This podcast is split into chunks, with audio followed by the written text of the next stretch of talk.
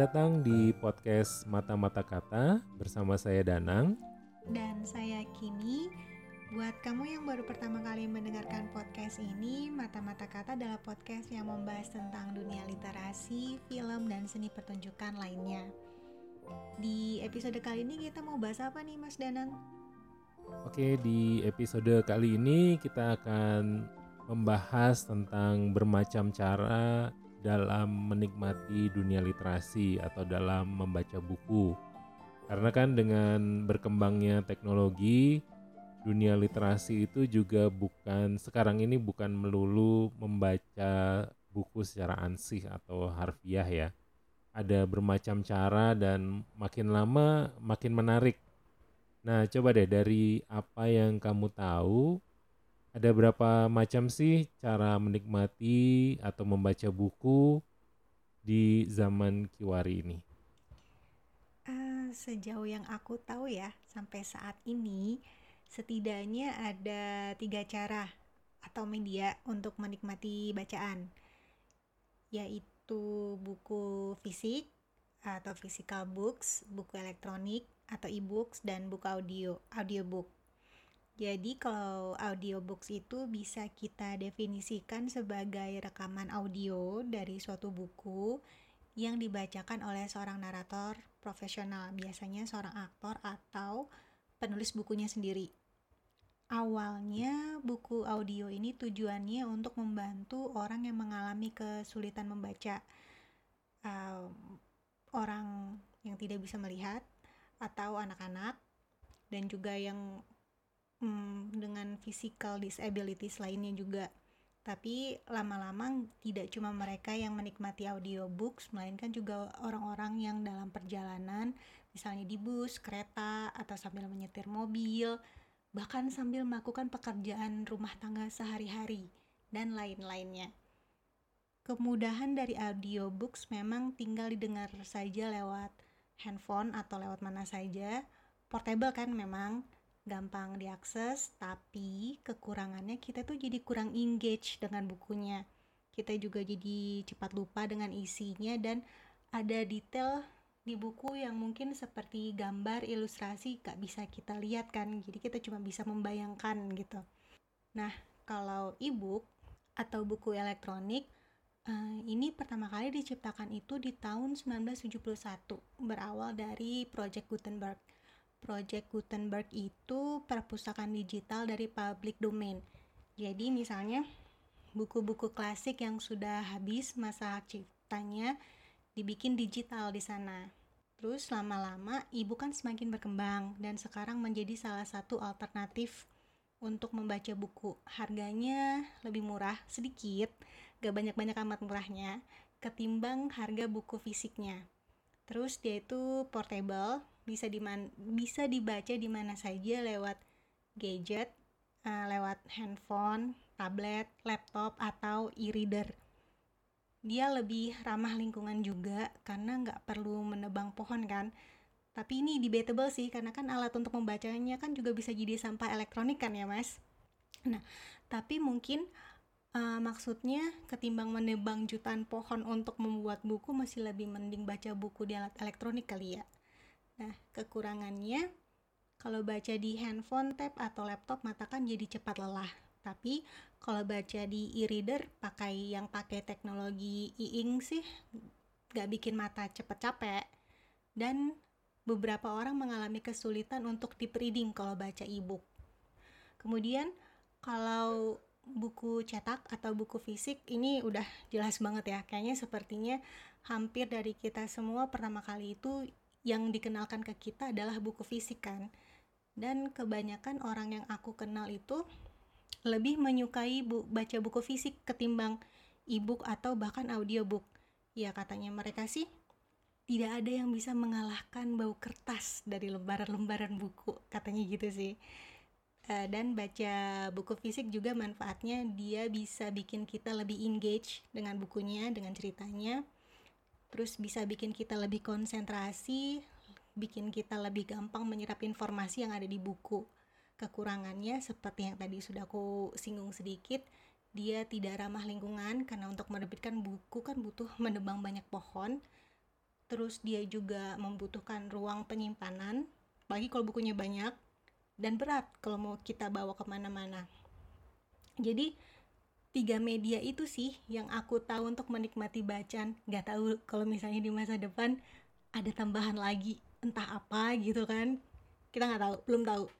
Nah kalau Mas Danang sendiri pengalamannya gimana nih dengan e-book, audiobook, dan physical book? Ceritain dong. Oke, sebelum ke sana, ya aku juga setuju sih bahwa masalah ramah lingkungan buku kertas dengan buku elektronik itu debatable ya, karena kadang kita nggak sadar bahwa ketika kita menggunakan alat elektronik, kita kan juga pakai listrik. Nah, listriknya itu dihasilkan dari mana nih? beberapa ya beberapa wilayah dan kita harus akui ya bahwa negara kita masih pakai batu bara yang mana dianggap kurang ramah lingkungan juga. Jadi ya memang debatable ya masalah itu. Jadi aku setuju sih sama kamu. Nah terus juga tadi kan kamu juga bilang ya bahwa buku fisik itu selain ada apa lebih berat dan sebagainya juga menurutku mungkin kalau dibawa-bawa juga resiko rusaknya itu tinggi ya entah kena air atau gimana. Nah ya, dari pengalamanku sendiri ya tentu saja aku berkenalan pertama kali tentu saja dengan buku fisik. Nggak tahu kalau anak-anak yang lahir zaman sekarang mungkin mereka lebih mengenal tablet duluan daripada buku nah terus aku kenal buku elektronik itu sekitar tahun 2007 waktu itu penyedia buku elektronik itu masih sangat terbatas, setidaknya dari pengetahuanku. Dan memang semuanya ada di luar negeri dengan membatasi diri, tidak bisa di-download, tidak bisa dibeli dari luar negara mereka. Jadi cukup sulit untuk mendapatkan buku-buku elektronik saat itu ya. Dan itu juga sesulit mendapatkan buku fisik yang dari luar negeri tentunya. Karena ya harus punya teman di sana yang mau membelikan lalu mengirimkan. Jadi sebenarnya waktu itu keadaannya sama aja. Buku elektronik dengan buku fisik dari luar negeri itu cukup sulit untuk didapat. Nah waktu itu yang aku ingat ada Amazon Barnes and Noble dan Kobo yang punya buku-buku elektronik dan mereka juga punya alat bacanya sendiri-sendiri. Jadi mereka juga membatasi pembacanya dengan alat yang mereka jual gitu. Nah, lalu tahun 2009 nih agak menarik, muncul toko buku elektronik pertama di Indonesia. Namanya Papataka. Koleksi bukunya cukup menarik dan mereka juga punya alat sendiri untuk membacanya. Waktu itu aku langsung tuh beli alatnya dan beli beberapa buku karena yang seperti aku bilang tadi ya di zaman itu sulit gitu untuk bisa dapat buku-buku dari luar untuk belinya juga sulit lalu pengiriman ke sininya juga lama dan ya tidak semudah kalau kita tinggal membeli dan mendownload buku elektronik. Nah, di tahun-tahun berikutnya pembelian dan cara baca buku elektronik makin mudah karena toko-toko buku itu kemudian punya aplikasi yang bisa di-download dari sini. Walaupun waktu itu masih terbatas ya, kadang-kadang harus ya sedikit ngakalin gitu ya. Tapi lama-lama mereka membuka board, apa uh, batasan itu dan akhirnya kita bisa mengunduh aplikasi mereka dan memakai alat apa pun yang bisa dimasuki aplikasi itu untuk membaca buku. Nah, kemudian aku lalu setelah itu berkenalan dengan buku audio. Buku audio itu ya sampai saat ini aku rasa masih lebih banyak dalam bahasa Inggris ya. Jadi buat orang yang bukan penutur bahasa Inggris justru butuh konsentrasi lebih untuk bisa tahu apa sih yang diomongin gitu karena kan ada keterbatasan eh, kecepatan bicara dan juga pelafalan. Tapi aku tetap bisa menikmati sih, walaupun aku memilih-milih ya buku mana yang mau aku baca di buku audio. Karena beberapa buku audio secara spesial dibacakan oleh narator yang sangat bagus. Kadang bintang film, kadang juga memang uh, profesional, narator profesional Tapi ada juga yang ya dibacakan oleh ya memang profesional tapi mungkin tidak sebagus misalnya bintang film gitu ya yang memang biasa berperan gitu ya mengambil uh, peran-peran dan ketika membacakannya dia bisa dengan sangat baik memerankan tokoh tokoh-tokoh yang ada di dalam buku itu. Nah, salah satu yang aku koleksi adalah Uncommon Type itu bukunya Tom Hanks yang kemudian dia bacakan sendiri juga versi buku audionya. Jadi menurutku luar biasa sih pengalamanku tentang buku itu. Nah kalau kamu gimana? Kalau aku, uh, buatku nggak ada yang bisa mengalahkan printed books ya, atau buku cetak, buku fisik. Karena buatku buku fisik itu samalah seperti komen orang-orang tidak ada yang bisa mengalahkan bau kertasnya terus juga bisa di apa ya bukan dicoret-coret sih. Jadi tuh gimana ya ketika mau mau mencatat ada yang penting atau apa itu jadi kayak lebih gampang sih lebih cepat. Lebih cepat nangkep juga aku kalau baca. Bahkan dulu itu saking aku cintanya sama buku fisik aku sempat punya cita-cita pengen punya perpustakaan pribadi dengan koleksi buku yang banyak dan beragam. Tapi semakin ke sini aku malah semakin jarang beli buku fisik dan malah beralih ke membaca e-book. Aku membaca e-book bisa lewat Kindle dengan beli bukunya di Amazon, juga berlangganan di Gramedia Digital dan Perlego, juga beli e-book di Playbooks aku juga baru nyobain audiobook karena baru berlangganan Audible karena sedang ada promo soalnya di Audible. Jadi aku mumpung harganya lebih murah aku mau nyobain. Ternyata lumayan menyenangkan juga membaca buku via audiobook. Audiobook yang pertama aku dengar itu Born a Crime autobiografinya Trevor Noah. Kalau Mas Danang sendiri di antara buku cetak, e-book dan audiobook paling seneng yang mana? Pilihan yang sulit ya. Tapi antara buku cetak dengan buku elektronik itu memang punya alasan masing-masing sih. Sebenarnya secara jujur aku memang suka dengan buku cetak ya. Tapi apa mau dikata bahwa saat ini buku elektronik itu lebih mudah menurutku untuk didapat. Jadi ketika aku sedang duduk-duduk lalu melihat misalnya ya di sebuah film ada buku yang dibaca oleh aktor atau aktrisnya aku jadi tertarik. Aku membaca, uh, membaca sedikit reviewnya. Oh oke okay. uh, kayaknya ini menarik. Ya udah tinggal beli aja dari tempat duduk. Nggak perlu cari-cari di toko buku atau bahkan pesan ke luar negeri untuk dikirim ke sini. Jadi ya menurutku memang untuk alasan praktis dan juga kemudahan untuk menyimpan seperti yang kamu bilang bahwa itu uh, buku fisik membutuhkan tempat yang besar ya yang makin lama makin banyak dan kalau kita tidak simpan dengan baik maka ya dia akan rusak begitu saja gitu. Selain itu juga ya kemungkinan untuk hilang juga lebih kecil ya kalau buku elektronik itu karena dia tersimpan dan zaman sekarang kita kenal dengan cloud ya. Yang mana ya udah dia tersimpan di di cloud yang kalaupun alat baca kita rusak buku itu tidak hilang. Nah kalau kamu gimana? Kalau aku sekarang uh, lebih prefer baca ebook sih. Sama seperti Mas Danang karena uh, lebih praktis ya dan lebih mudah dibawa ke mana-mana gitu kan uh, itu tadi ketika kita tertarik ada suatu buku terus baca reviewnya tinggal beli aja gitu kan atau tinggal cari aja gak usah repot-repot gitu. Nah dan juga selain itu karena aku ngekos ya sekarang jadi aku tidak punya ruang yang luas untuk menyimpan buku.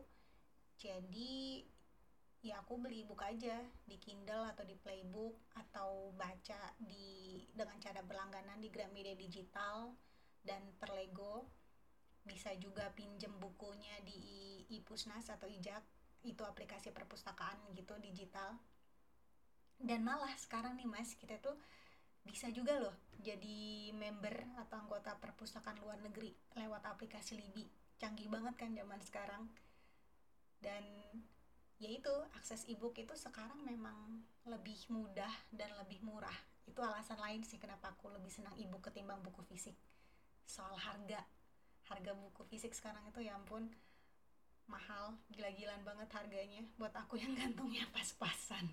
Ya ya ya benar-benar berarti kita hampir sama ya tapi menurutku juga seperti yang tadi kamu jelaskan di awal bahwa keterikatan ya atau engagement dengan dengan buku fisik itu uh, rasanya memang lebih kuat ya. Iya. karena ya seperti sekarang begitu banyak pilihan misalnya tontonan ya akhirnya kita ah oke okay, ah, lagi nonton setengah terus ah ganti lah ganti yang mana ganti yang sini sana. Begitu juga ebook ya jadi ketika dibaca terus um, ya ntar deh lanjutnya. Terus kita tinggal pencet cari buku yang lain atau yang jadi menurutku kadang dengan semakin mudah dan murah penghargaan terhadap itu ya terhadap buku itu sendiri juga mungkin agak menurun ya ketimbang ketika kita beli buku fisik mahal itu kayak penghargaannya tuh lebih tinggi. Kamu merasa gitu juga gak sih? Kalau soal ini aku kayaknya agak berbeda pendapat deh dengan Mas Danang. Karena aku merasa uh, kalau lewat ebook baca kita gampang terdistraksi mungkin karena memang attention span kita ya. Memang sekarang itu gampang uh, attention, attention span kita tuh semakin rendah nggak sih? Terus hmm. memang gampang ter, terdistraksi juga gitu kan? Iya yeah, iya yeah. uh, dan menurut aku sih juga meskipun kita baca buku fisik kalau misalnya di samping kita ada handphone ya juga kita bisa tutup bukunya terus kita mainan handphone. Bisa juga seperti itu kalau menurut aku sih begitu. Ya ya ya. Tapi um, sebenarnya aku sih mencoba melihatnya dari penghargaan kita terhadap ya itu deh kalau kita beli barang mahal maka kita akan kayaknya akan menghargai lebih ketimbang barang yang murah-murah-murah gitu. Ya udah beli aja oh, dulu. Iya. nanti bacanya kapan pokoknya download aja dulu beli beli beli beli. Iya itu juga benar sih bisa jadi kayak gitu. Ya benar dan aku juga paling kalau beli buku fisik itu uh, kalau aku memang menyukai penulisnya. Jadi aku memang nah, ngumpulin Nah, penulisnya. Gitu kan. Sementara kalau ebook itu kita bisa aja, hmm, kayaknya judulnya lucu, udah deh ambil dulu yeah. deh gitu. Pokoknya download aja dulu toh murah gitu. Apalagi kalau lagi ada apa ada sale, ada diskon dan sebagainya ya guys. Iya benar apalagi kalau yang di Kindle tuh kan di Kindle ebooks kalau lagi ada apa sih namanya itu uh, kan suka ada tuh ebook Kindle ebook sale yang cuma satu iya, dolar. Iya iya iya. Itu mm-hmm. gila sih itu murah banget. Iya iya, begitu juga berlangganan ya. Iya. Kayaknya Amazon juga punya berlangganan dan kita bisa baca buku sebanyak-banyaknya, download sebanyak-banyaknya. Begitu juga Gramedia digital ya. Iya. Kita bisa baca buku sebanyak-banyak yang kita mau. Jadi akhirnya seolah-olah tuh kayak ya udah download lagi dulu deh nanti. Bacanya kapan? Bacanya kapan nggak tahu. Benar ya. nah, uh, tadi kamu bilang ya kamu punya pengalaman nih tentang audiobook ya atau buku audio. Gimana tuh? Kayaknya kamu belakangan aku dengar kamu sangat lagi sangat terpesona dengan buku audio. Iya, aku kayak semacam orang apa ya kuno banget gitu, kudet banget ketika dikasih ada mainan baru tuh langsung oh ini tuh ternyata yang namanya audiobook gitu kan ternyata menyenangkan juga ya gitu Iya, aku baru sih langganan Audible, belum ada sebulan dan baru satu buku yang aku dengar yang Born Crime itu tadi. Jujur, pertama kali dengar audiobook itu buat aku agak susah ya, karena ternyata aku menyadari kalau aku tuh butuh konsentrasi tingkat tinggi untuk mendengarkan audiobook. Aku nggak bisa menyambi dengan sambil melakukan pekerjaan lain kalau misalnya ada orang yang bisa dengar audiobook sambil masak sambil nulis kerja nyetir gitu. Nah kalau aku aku nggak bisa. Aku tuh harus fokus gitu. Jadi palingan aku bisa dengarnya itu kalau misalnya aku lagi jalan atau lagi nungguin kereta atau pas lagi di kendaraan umumnya gitu. Nah ketika aku sudah bisa menemukan serunya di mana audiobook yaitu baru aku bisa menikmati gitu kan dan kebetulan juga si kan naratornya Born a Crime itu kan Trevor Noah sendiri ya. Dan dia pinter banget sih dia menarasikan uh, Born a Crime itu.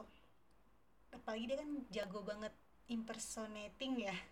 Itu jadi kayak ketika dia membacakan karakter uh, entah ibunya entah siapa itu dengan suara yang berbeda beda itu jadi kayak aku cukup yang wow menarik ini jadi aku langsung tahu ketika dia membicarakan siapa siapa gitu. Jadi aku bisa membayangkan. Tapi kayaknya aku nggak bisa dengar semua jenis buku di audiobook. Karena aku sudah ketika aku sudah selesai dengan Born Crime yang genrenya adalah memoir ya uh, aku lalu mencoba mendengar sastra klasik War and Peace. Nah itu aku nggak nyambung sama sekali. Aku so, jadi nggak nggak nggak bisa konsentrasi aku. Bukan salah si naratornya sih. Naratornya kan yang aku pilih waktu itu uh, Tandy W Newton ya. Bukan salah dianya tapi emang karena kayaknya susah aja gitu buat aku dengar buat aku nyambung mendengarkan audiobooknya. Gitu. Mm -hmm.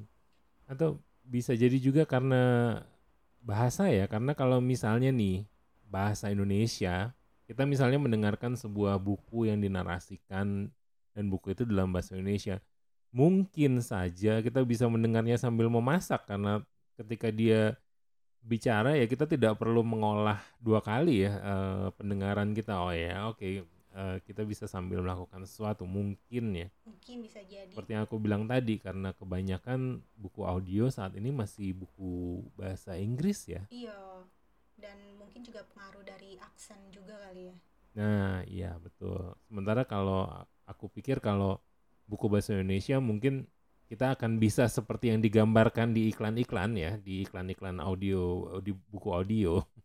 Ketika sambil nyetir atau sambil uh, yaitu memasak atau sambil apa dengan mudah kita bisa mendengarkan. Iya, tapi kenapa ya Mas kok kayaknya belum banyak gitu audiobook yang bahasa kita? Iya sayang sekali ya sebenarnya kayak gitu. Tapi sejujurnya juga buku elektronik yang dalam bahasa Indonesia juga masih terbatas kan. Iya. Uh, kita sekarang berlangganan pada sebuah platform gitu ya. Itu pun apa uh, format bukunya masih sangat tidak enak dibaca ya menurutku. Ya formatnya PDF ya.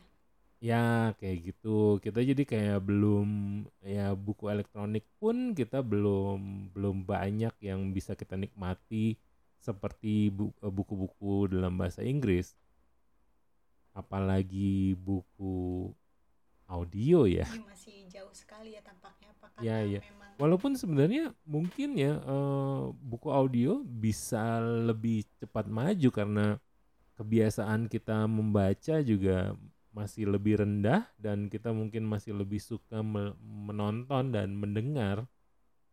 Jadi ya ya semoga saja ya ke depan itu akan makin maju, kita makin maju, makin banyak buku elektronik, makin mudah diakses. Ya makin enak formatnya untuk dibaca dan juga nantinya makin banyak juga buku-buku audio yang akhirnya juga bisa dinikmati oleh audiens yang lain ya. ya. Jadi kita semakin punya banyak pilihan ya mas. Betul.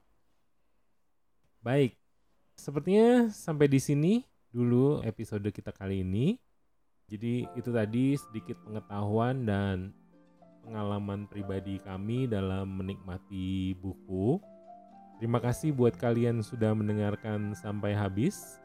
Jangan lupa untuk membagikan podcast Mata-Mata Kata dan ikuti akun media sosial Mata-Mata Kata di Twitter at podcast Mata Kata, Instagram at Mata-Mata Kata, dan like page Facebook kami di Mata-Mata Kata. Kalian juga bisa berdiskusi atau mengirimkan kritik dan saran melalui email di podcast mata-mata-kata at gmail.com. Sampai jumpa di episode Mata-Mata Kata selanjutnya.